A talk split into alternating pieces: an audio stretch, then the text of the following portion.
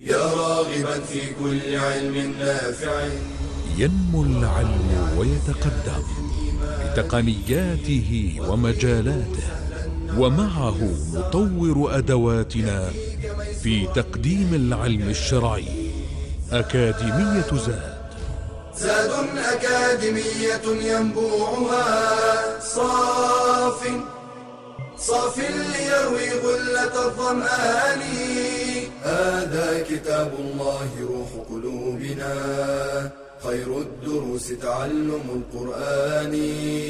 بشرى لنا زاد أكاديمية للعلم كالأزهار في البستان. الحمد لله رب العالمين. أحمده سبحانه وتعالى حمدا كثيرا طيبا مباركا فيه. وأصلي وأسلم على سيدي رسول الله. اللهم صل وسلم وبارك على سيدنا وحبيبنا محمد وعلى آله وأصحابه أجمعين. سبحانك لا علم لنا إلا ما علمتنا إنك أنت العليم الحكيم. اللهم علمنا ما ينفعنا وانفعنا بما علمتنا وزدنا علما. ما شاء الله كان. ونعوذ بالله من حال أهل النار. اللهم لا سهل إلا ما جعلته سهلا وأنت تجعل الحزن إذا شئت سهلا. اللهم ارزقنا الإخلاص والتوفيق والقبول والعون إنك ولي ذلك والقادر عليه. ثم أما بعد حياكم الله أيها الأحبة واهلا وسهلا ومرحبا بكم. ونحن نعيش وإياكم بداية مع سورة البروج. وكنا قد بدأنا في آخر الحلقة الماضية الحديث عن هذه السورة المباركة. فذكرنا مقدمة عن هذه السورة وكذلك ذكرنا مقدمة عن الجو الذي نزلت فيه هذه السورة وكيف أنها نزلت تسلية للنبي صلى الله عليه وسلم ولأصحابه الثابتين الصابرين السائرين في الطريق إلى الله تبارك وتعالى. على منهج الحق وعلى منهج الصدق. فكانت هذه الصورة بحق تسلية تسري عن المؤمن تفرج عنه لأنه يعلم أنه يعيش كما عاش من قبله من إخوانه المؤمنين الصابرين المحتسبين وتبشره كذلك بفرج ونصر رب العالمين لأوليائه المفلحين. جعلنا الله وإياكم منهم. ابتدأ الحق تبارك وتعالى هذه السورة المكية بقوله عز وجل والسماء ذات البروج الله تبارك وتعالى يبتدئ هذه السورة بالقسم. يبتدئ سبحانه وتعالى هذه السورة بالقسم. يقسم عز وجل بماذا؟ يقسم تبارك وتعالى بشيء من مخلوقاته فيبتدئ عز وجل بالسماء التي نراها ونشاهدها وتظللنا من فوقنا والسماء ذات البروج. البروج البروج جمع برج والبرج هو القصر. وقد جاء معنى ذلك صريحا في كتاب الله تبارك وعز وجل. فقال تبارك وتعالى أينما تكونوا يدرككم الموت ولو كنتم في بروج مشيدة. يعني في قصور مشيدة. يعني في قصور مشيدة. وكلمة البروج ها منها ومثلها التبرج. يعني المرأة التي يقال عليها متبرجة من هذه الكلمة. لما؟ لأن التبرج هو إظهار ما كان حقه الستر. إظهار ما كان حقه الستر. فلما أظهرت هذه المرأة المتبرجة مفاتنها قيل لها متبرجة. اذا كذلك كلمة البروج تأتي بمعنى الظهور والوضوح الشيء الواضح الظاهر البين. الله تبارك وتعالى يقسم بالسماء ذات البروج أي صاحبة البروج. ما المراد بالبروج هنا؟ التي أقسم الله عز وجل بها وأنها موجودة في السماء. للمفسرين رحمهم الله في ذلك عدة أقوال. وأظهر هذه الأقوال أن المراد بالبروج هي المنازل. المنازل التي تسير فيها أو يسير فيها الشمس والقمر وتسير فيها هذا هاتين الآيتين من آيات الله تبارك وعز وجل. وقال بعض المفسرين المراد بالبروج النجوم وقال بعضهم القصور. لكن الأظهر كما ذكرنا أن المراد بهذه البروج المراد بهذه البروج هي المنازل المنازل التي يسير فيها الشمس والقمر. فللشمس والقمر منازل تنزل فيها يومية أو شهرية. وهذا ما يعرف عند العلماء الآن بالبروج الاثنا عشر.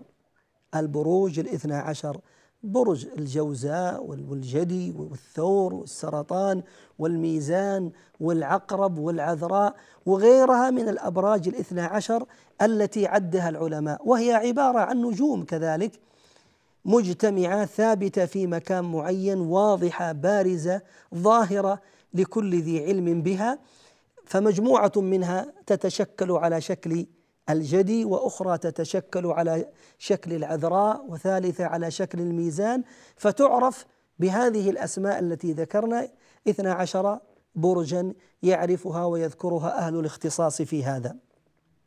القمر مثلا أيضا له منازل ينزلها ثمانية وعشرين يعني آه، مرة تقريبا ينزل أو في ثمانية وعشرين يوم ينزل في هذه الأبراج التي التي ذكرناها ويومان يستتر فيها القمر لا يظهر. الشاهد المراد بهذه الأبراج هي هذه المنازل التي ينزل فيها الشمس والقمر والتي ذكرنا طرفا منها قبل قليل. فيقسم الله تبارك وتعالى بهذه السماء ذات هذه البروج ذات هذه المنازل التي ينزل فيها الشمس والقمر. والسماء ذات البروج. ثم يقسم أيضا تبارك وتعالى بقسم آخر فيقول واليوم الموعود فيقسم باليوم الموعود. ما المراد باليوم الموعود؟ الصحيح بل يكاد يكون شبه اتفاق عند العلماء أن المراد باليوم الموعود هو يوم القيامة.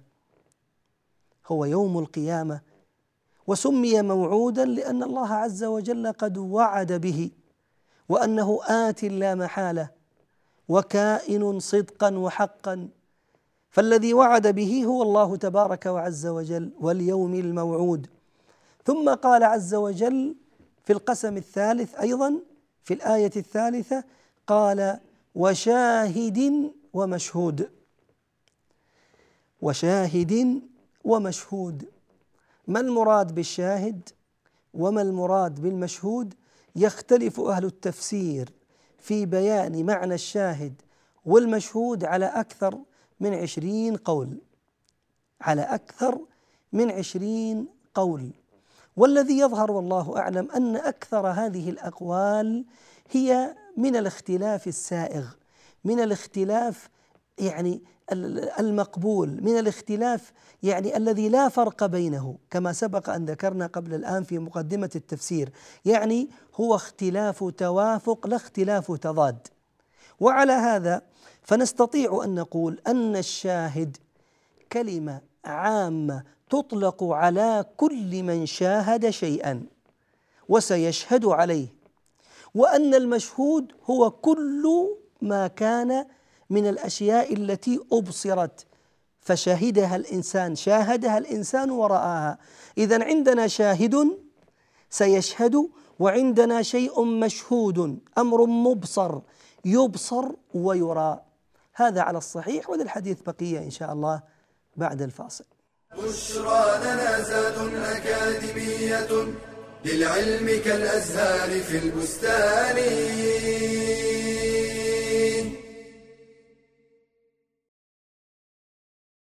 هل كرم المرأة أحد مثل ما كرمها الإسلام؟ فالنساء شقائق الرجال وإنما خصت المرأة ببعض الأحكام كإعفائها من الجمع والجماعات مراعاة لأنوثتها لا تحقيرا لها. فللمرأة حقها في التعليم وقد خصص النبي صلى الله عليه وسلم درسا لتعليم النساء. ولا يمنعها الحياء من طلب العلم. قالت عائشة رضي الله عنها نعم النساء نساء الأنصار. لم يكن يمنعهن الحياء أن يتفقهن في الدين. والتعليم حق للمرأة على أبيها وزوجها.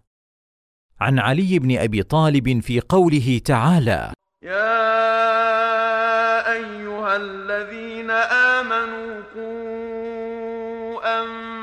أنفسكم وأهليكم نارا وقودها الناس والحجارة.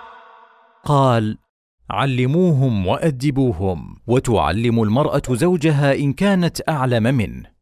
قال النبي صلى الله عليه وسلم لأبي رافع حين علمته زوجته بعض الأحكام يا أبا رافع إنها لم تأمرك إلا بخير. والتاريخ الإسلامي زاخر بالنساء العالمات المعلمات. كعائشة أم المؤمنين. قال عطاء بن أبي رباح كانت عائشة أفقه الناس وأعلم الناس وأحسن الناس رايا في العامة. ومنهن عمرة بنت عبد الرحمن الأنصارية وحفصة بنت سيرين البصرية وفاطمة بنت عباس البغدادية. فتعلمي واعملي وأبشري. قال تعالى ومن يعمل من الصالحات من ذكر أو انثى وهو مؤمن فاولئك يدخلون الجنه ولا يظلمون نقيرا بشرى لنا زاد أكاديمية للعلم كالأزهار في البستان. حياكم الله أيها الأحبة. أهلا وسهلا ومرحبا بكم. عدنا إليكم بعد هذا الفاصل. وكنا نتحدث قبل الفاصل عن قسم الله تبارك وتعالى بالشاهد والمشهود. وقلنا أن المفسرين اختلفوا في بيان معناها على أكثر من عشرين قول. والصحيح الذي يظهر والله أعلم أن الشاهد كل من شهد على غيره بأمر ما والمشهود أي هذا المبصر الذي نشاهده نحن ونراه. فمثلا يصح أن يكون هذا الشاهد أولا الله تبارك وتعالى وكفى بالله شهيدا كما قال عز وجل يصح أن يكون هذا الشاهد هو رسول الله صلى الله عليه وسلم. فكيف إذا جئنا من كل أمة بشهيد وجئنا بك على هؤلاء شهيدا؟ يصح أن يكون أهل الإيمان عموما شهداء شاهدون كما قال تبارك وتعالى وكذلك جعلناكم أمة وسطا لتكونوا شهداء على الناس يصح أن يراد بذلك الأنبياء في الأمم الماضية وأممهم السابقة فهي كلمة عامة. يقسم الله عز وجل بكل شاهد سيشهد في ذلك اليوم العظيم وكذلك بكل مشهود بكل أمر سيشهد عليه. فمن ذلك أمور في الدنيا ومن ذلك أمور في الآخرة. أعمال الإنسان من الأمور المشهودة ما فعل من خير ومن شر من الأمور المشهودة. ما سيكون حال موته من الأمور المشهودة؟ ما سيكون في يوم القيامة من حشر وقبل ذلك بعث وصراط وميزان إلى غير ذلك كلها من الأمور المشهودة. فيقسم الله تبارك وتعالى بكل شاهد وكل مشهود. وهذا القول يجمع تقريبا بين أكثر أقوال المفسرين رحمهم الله. اذا يقسم الله تبارك وتعالى اولا بالسماء ذات البروج وثانيا باليوم الموعود وثالثا بالشاهد والمشهود. لما هذه الأقسام الثلاثة؟ ما هو جواب القسم؟ أكثر المفسرين على أن جواب القسم قول الله تبارك وتعالى قتل أصحاب الأخدود. قتل أصحاب الأخدود. قالوا هذا جواب القسم. قتل قالوا بمعنى لعن واللعن هو الطرد والإبعاد من رحمة الله تبارك وتعالى. قالوا اذا فالله عز وجل يقسم على خبر. هذا الخبر هو أنه تبارك وعز وجل قد طرد لعن أصحاب الأخدود. وقال بعض المفسرين بل إن جواب القسم هنا محذوف. جواب القسم هنا محذوف. فيقسم تبارك وتعالى بهذه الأقسام السابقة الثلاثة على أن هؤلاء عياذا بالله أصحاب الأخدود أنهم سيلاقون جزاءهم وأنهم سيلاقون عقابهم متى؟ حال أن لعنهم الله تبارك وتعالى فقالوا قتل هنا هو دعاء وليس خبر. إنما هو دعاء وليس خبر والصحيح والله أعلم أن المراد أو أن جواب القسم هو قوله تبارك وتعالى قتل أصحاب الأخدود. من هم أصحاب الأخدود؟ اولا الأخدود الأخدود جمعه أخاديد. والأخدود هو الشق المستطيل في الأرض. الشق المستطيل في الأرض إذا حفرت في الأرض حفرة مستطيلة ها تسمى أخدود. إذا حفرت وضع فيها الحطب أظلمت النيران يعذب فيها أولياء الرحمن. اذا الأخدود هو الشق الذي يشق في الأرض ويكون على شكل مستطيل. من هم هؤلاء أصحاب الأخدود الذين يلعنهم الحق تبارك وتعالى؟ ويطردهم من رحمته. هل هم أناس معينون؟ مخبر عنهم في سنة رسول الله صلى الله عليه وسلم وفي شرع رب العالمين أم هم كل من سلك هذا الطريق وسار وفق هذا المنهج الخبيث في تعذيب أولياء الله تبارك وتعالى؟ نقول للعلماء في هذا رحمهم الله رحمهم الله قولان. منهم من رأى أن أصحاب الأخدود هؤلاء قوم علموا وعرفوا ودل عليه ما جاء في صحيح الإمام مسلم. فقد ثبت في صحيح الإمام مسلم أنه عليه الصلاة والسلام حدث حدث عن شاب عاش في أرض اليمن وبالتحديد في نجران. عاش في بلد فيه ملك هذا الملك كان له ساحر. فلما كانت آخر أيام هذا الساحر وأراد مفارقة الدنيا طلب من الملك أن يختار له شاب ليعلمه السحر قبل موته. فاختاروا له أحد الشباب قيل أن اسمه عبد الله ابن الثامر. وجيء بهذا الشاب إلى هذا الساحر ليعلمه السحر. فكان يختلف هذا الشاب إلى هذا الساحر ليتعلم السحر. وفي يوم من الأيام قدر الله تبارك وتعالى أن يمر هذا الشاب على راهب من رهبان النصارى فسمع منه من الكلام الحسن الجيد الذي أعجبه فأصبح يمر على الراهب قبل مروره على الساحر. وربما تأخر عند الراهب. فإذا تأخر عند الراهب ضربه الساحر إن كان في طريقه إليه. وإذا تأخر عند الراهب عند عودته ضربه والده. حتى قال له الراهب قل لهم إن تأخرت أنك عند الساحر. المهم احتل بحيلة معينة. وتمضي الأيام وهذا الشاب محتار بين أمر الساحر والراهب. حتى أراد الحق تبارك وتعالى أن يبين له الحق ويجليه له. ففي طريقه في يوم من الأيام اعترضت الناس الناس دابة عظيمة وأغلقت عليهم الطريق فلم يستطيعوا أن يسيروا. فأخذ هذا الشاب حجرة ثم قال اللهم أخذ هذا الشاب حجرا. ثم قال اللهم إن كان أمر السا أمر الراهب أحب إليك من أمر الساحر فاقتل هذه الدابة وخلص الناس من أذاها. فرمى تلك الدابة بهذا الحجر فماتت. وتخلص الناس من أذاها واستراحوا. فعرف هذا الشاب أن أمر الراهب أحب إلى الله تبارك وتعالى من أمر هذا الساحر. فلما وصل إلى الراهب أخبره الخبر وما كان من أمره وعزمه على عدم الذهاب للساحر.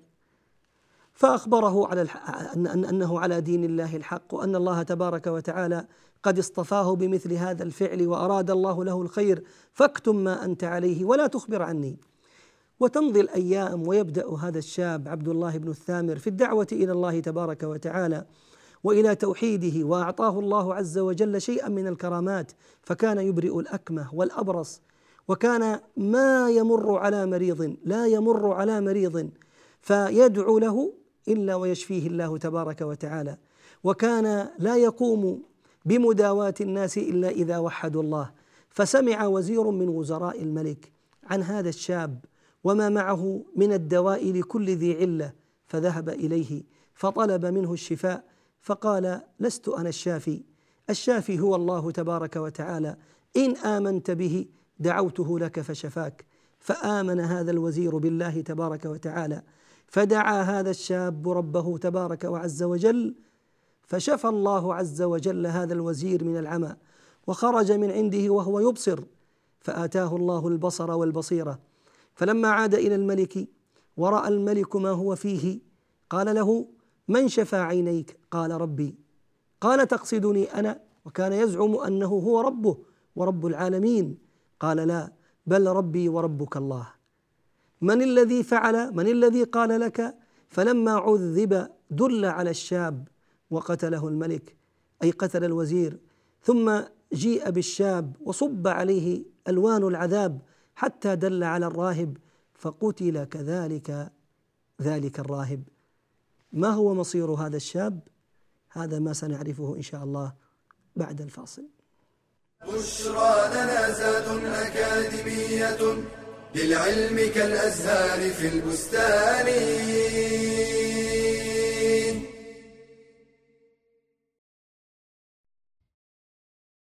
أين أنت من العلم؟ وقد قال النبي صلى الله عليه وسلم طلب العلم فريضة على كل مسلم فهناك مقدار من العلم يجب أن يتعلمه المتخصص وغير المتخصص. فعلى كل مسلم أن يتعلم ما تصح به عقيدته وعبادته وعلى غير المتخصص أن يبدأ بالكتب الميسرة ثم يتدرج.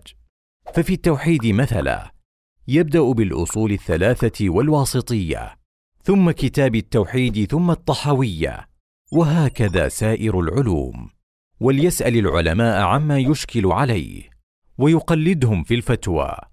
لقوله تعالى فاسألوا أهل الذكر إن كنتم لا تعلمون. وليتواصل مع طالب علم متخصص ليشرح له ما صعب عليه فهمه إذ لا يتيسر له التواصل مع العلماء في كل حين. وليهتم بوسائل التقنية الحديثة لتعوض انشغاله عن حضور مجالس العلم. أو الالتحاق بالكليات الشرعية ويحتاج غير المتخصص إلى علو الهمة وقوة العزيمة فمع ضيق الوقت لن يحصل العلم إلا بالمواصلة والاستمرار وليستفد من تخصصه في إتقان العلم الشرعي فالطبيب مثلا تسهل عليه مسائل الحمل والجراحات والمهندس تسهل عليه الفرائض لإتقانه الرياضيات. وليسخر ذكاءه في فهم دينه وخدمته. قال تعالى وتلك الأمثال نضربها للناس وما يعقلها إلا العالمون.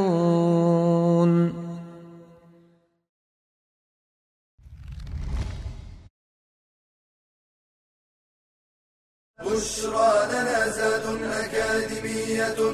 للعلم كالأزهار في البستان. الحمد لله رب العالمين والصلاة والسلام على رسول الله وبعد. عدنا إليكم أيها المباركون بعد الفاصل.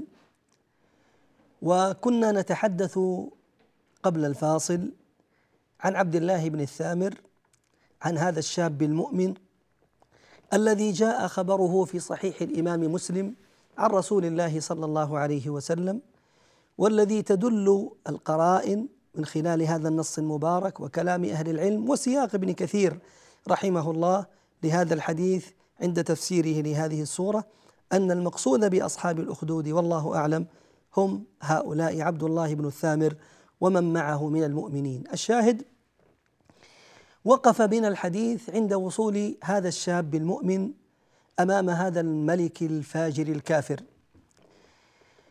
وقف أمامه فأخذ الملك يسائله ويكلمه فعلم أنه بين يدي شاب يوحد الله عز وجل ولا يمكن أن ينحني له. فأراد هذا الملك أن يقضي على هذا الشاب فأمر جنوده أن يأخذوه ويصعدوا به إلى أعلى قمة موجودة. ثم يدهدهوه منها يلقونه من أعلى تلك القمة. فذهب الجنود فلما وصلوا إلى أعلى قمة قال هذا الشاب المؤمن اللهم اكفنيهم بما شئت. فاهتز اضطرب ذلك الجبل ثم سقطوا جميعا وعاد هذا الشاب يمشي سليما معافا إلى الملك. أين الجنود؟ قال كفانيهم الله بما شاء. ثم أمر جنودا آخرين أن يأخذوه في قرقور في قارب ويذهبوا به في بحر عميق ثم إذا توسطوا به لجته ألقوه فيها فخرجوا به. فلما توسطوا به البحر قال اللهم اكفنيهم بما شئت. فهاجت ريح عظيمة فانقلب ذلك القرقور وعاد الشاب سليما وغرق أولئك الجنود. وعاد للملك. ثم قال ذاك الشاب للملك إنك لن تسلط علي. فإذا أردت قتلي إذا أردت قتلي فاجمع الناس. هذه هذا الأمر الأول. اجمع الناس كلهم في مكان عام. ثم خذ سهما من كنانتي وضعه في كبد القوس. ثم قل بسم الله رب هذا الغلام. بسم الله رب هذا الغلام. فإنك إن فعلت قتلتني. فقام الملك فجمع الناس في مشهد عام. ثم أخذ السهم ووضعه في كبد القوس. ثم قال بسم الله رب هذا الغلام. فأطلق ذلك السهم فجاء في صدغ ذلك الشاب. فمات فورا. فلما رأى الناس هذا المنظر العظيم لما رأى الناس هذا المشهد كيف أن هذا الشاب المؤمن يضحي بنفسه ثم كيف أن الله تبارك وتعالى لم يسلط هذا الملك الظاهم ظالم المدعي للربوبية لم يسلطه على هذا الشاب إلا بعد أن قال بسم الله رب هذا الغلام وأنه هو ليس برب. قال الناس جميعا بصوت واحد آمنا برب الغلام آمنا برب الغلام. فضحى هذا الفتى بنفسه من أجل إيمان هؤلاء ومن أجل استنقاذ هؤلاء من الكفر إلى الإيمان وإخراجهم من عبادة العباد إلى عبادة رب العباد. فبدل ان كان هذا الملك الظالم يعاني من شاب واحد أصبح الآن كل الناس الذين شاهدوا هذا الموقف مؤمنون بالله تبارك وتعالى كافرون به. فما الحل؟ أمر هذا الظالم بحفر الأخاديد. أمر هذا الظالم بحفر الأخاديد في الطرقات وأن يوضع أو توقد فيها النيران العظيمة ثم يلقى فيها أولئك المستمسكون بدينهم الصابرون على إيمانهم فكانوا يأتون بالرجل أو بالمرأة فيعرض عند الأخدود فإن ترك الإيمان عفوا عنه وإن أصر على إيمانه ألقي في ذلك الأخدود حتى جيء بامرأة ومعها صبي بين يديها رضيع فلما اقتربت وكادت أن تلقي بنفسها خافت على وليدها. وخافت على رضيعها فأرادت أن تعود وأن تكفر بالله عز وجل. فأنطق الله عز وجل هذا الصبي هذا الرضيع وقال لها يا اماه اصبري فإنك على الحق. فصبرت وألقيت في النار الدنيوية وما عند الله عز وجل خير وأبقى. هذه باختصار هي قصة قصة هؤلاء أصحاب الأخدود الذين والله أعلم ذكرهم الله تبارك وتعالى في هذه السورة. وقيل قد كان هناك أخدود كذلك ببلاد فارس وأخدود كذلك ببلاد الروم وكلها لأناس أرادوا الحق وأرادوا الخير وأرادوا الهدى وأرادوا الإيمان بالله تبارك وتعالى فكان حالهم هذا الابتلاء الدنيوي الذي يخبر الحق تبارك وتعالى عنه. في هذه السورة في سورة البروج. قال الله عز وجل قتل أصحاب الأخدود لعن وطرد من رحمة الله تبارك وتعالى أصحاب الأخدود. وما هي ما هي تلك الأخاديد؟ وما هو ذلك الأخدود؟ قال النار ذات الوقود النار العظيمة التي أوقدوها بأنواع الحطب وبأنواع المواد التي تساعد على إشعالها وإيقادها. إذا هي عياذ بالله نار وهذه النار أيضا ذات الوقود أي صاحبة الوقود وهو ما يوضع في النار لزيادة اشتعالها. كما قال عز وجل وتبارك وتعالى يا أيها الذين آمنوا قوا أنفسكم وأهليكم نارا وقودها الناس والحجارة أي ما تسعر به. ما يزاد فيها لزيادة اشتعالها الناس والحجارة. وكذلك هنا هي نار وهذه النار ذات الوقود. إذ هم عليها قعود. من هم؟ هؤلاء الكفرة. هؤلاء الظلمة. هذا الملك الظالم المستبد هو ومن معه من الحاشية ومن معه عياذا بالله من الجنود كانوا يقعدون عند هذه النيران ليشاهدوا هذا العذاب بأعينهم ويشاهدوا هذا نعوذ بالله النكال فيتشفوا في أهل الإيمان إذ هم عليها قعود وهم على ما يفعلون بالمؤمنين شهود. هم جلوس عند هذه النار. عند هذه الأخاديد التي توقد فيها هذه النيران وهم على ما يفعلون بالمؤمنين شهود يشهد بعضهم لبعض عند الملك وعند غيره من الكبار بما حصل. يعني قد يكذب الملك إن لم يحضر أنكم قتلتم أنكم فعلتم فهم يشهد بعضهم لبعض. يشهد بعضهم ببعض أنهم فعلا قد رأوا عذاب ونكال أولئك النفر. لماذا يفعلون ذلك؟ لماذا يفعلون هذا العذاب؟ لماذا يفعلون هذا الإحراق للمؤمنين في هذه الأخاديد؟ قال الله وما نقموا منهم إلا أن يؤمنوا بالله العزيز الحميد. الله. ما نقموا ما عابوا. يعني ما عابوا على هؤلاء أمرا من أمور الدنيا.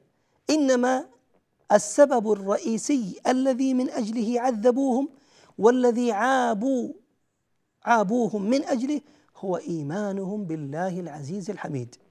فبسبب الإيمان فعلوا بهم هذه الأفعال المنكرة الشنيعة تحريقهم في هذه الأخاديد.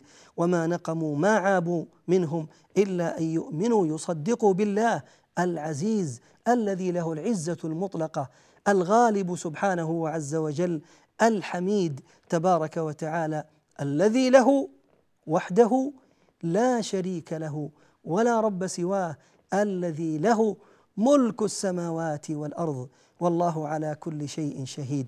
تأمل كيف أنه سبحانه عز وجل يثني على نفسه ويمجد سبحانه وتبارك وتعالى ذاته العلية فهو عز وجل عزيز وهو سبحانه وتبارك وتعالى حميد وهو عز وجل له ملك السماوات وملك الأرض وهو عز وجل على كل شهيد مطلع على ما يفعل بهم. ومع ذلك تركهم عز وجل. لما؟ لعدم قدرته عز وجل على إنجائهم. لا والله ولكنها سنة الله في أوليائه. سنة الله تبارك وتعالى في السائرين على درب الحق والهدى.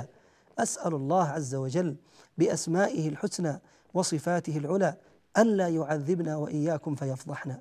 وأسأله تبارك وتعالى إن ابتلانا سبحانه وعز وجل ألا يفضحنا. بيده تبارك وتعالى السماوات وبيده تبارك وتعالى الأرض. فأسأله مالك السماوات والأرض أن يجعلنا وإياكم من أهل الإيمان ومن أهل الصدق ومن أهل البر ومن أهل اليقين التام. إنه على ذلك قدير وبالإجابة جدير.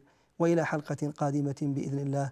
والسلام عليكم ورحمة الله وبركاته.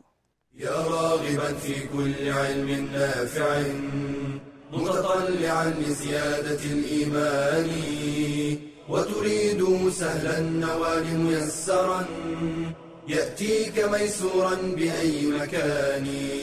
زاد زاد أكاديمية ينبوعها صاف صاف ليروي غلة الظمآن. بشرى لنا بشرى لنا بشرى لنا زاد أكاديمية للعلم كالأزهار في البستان.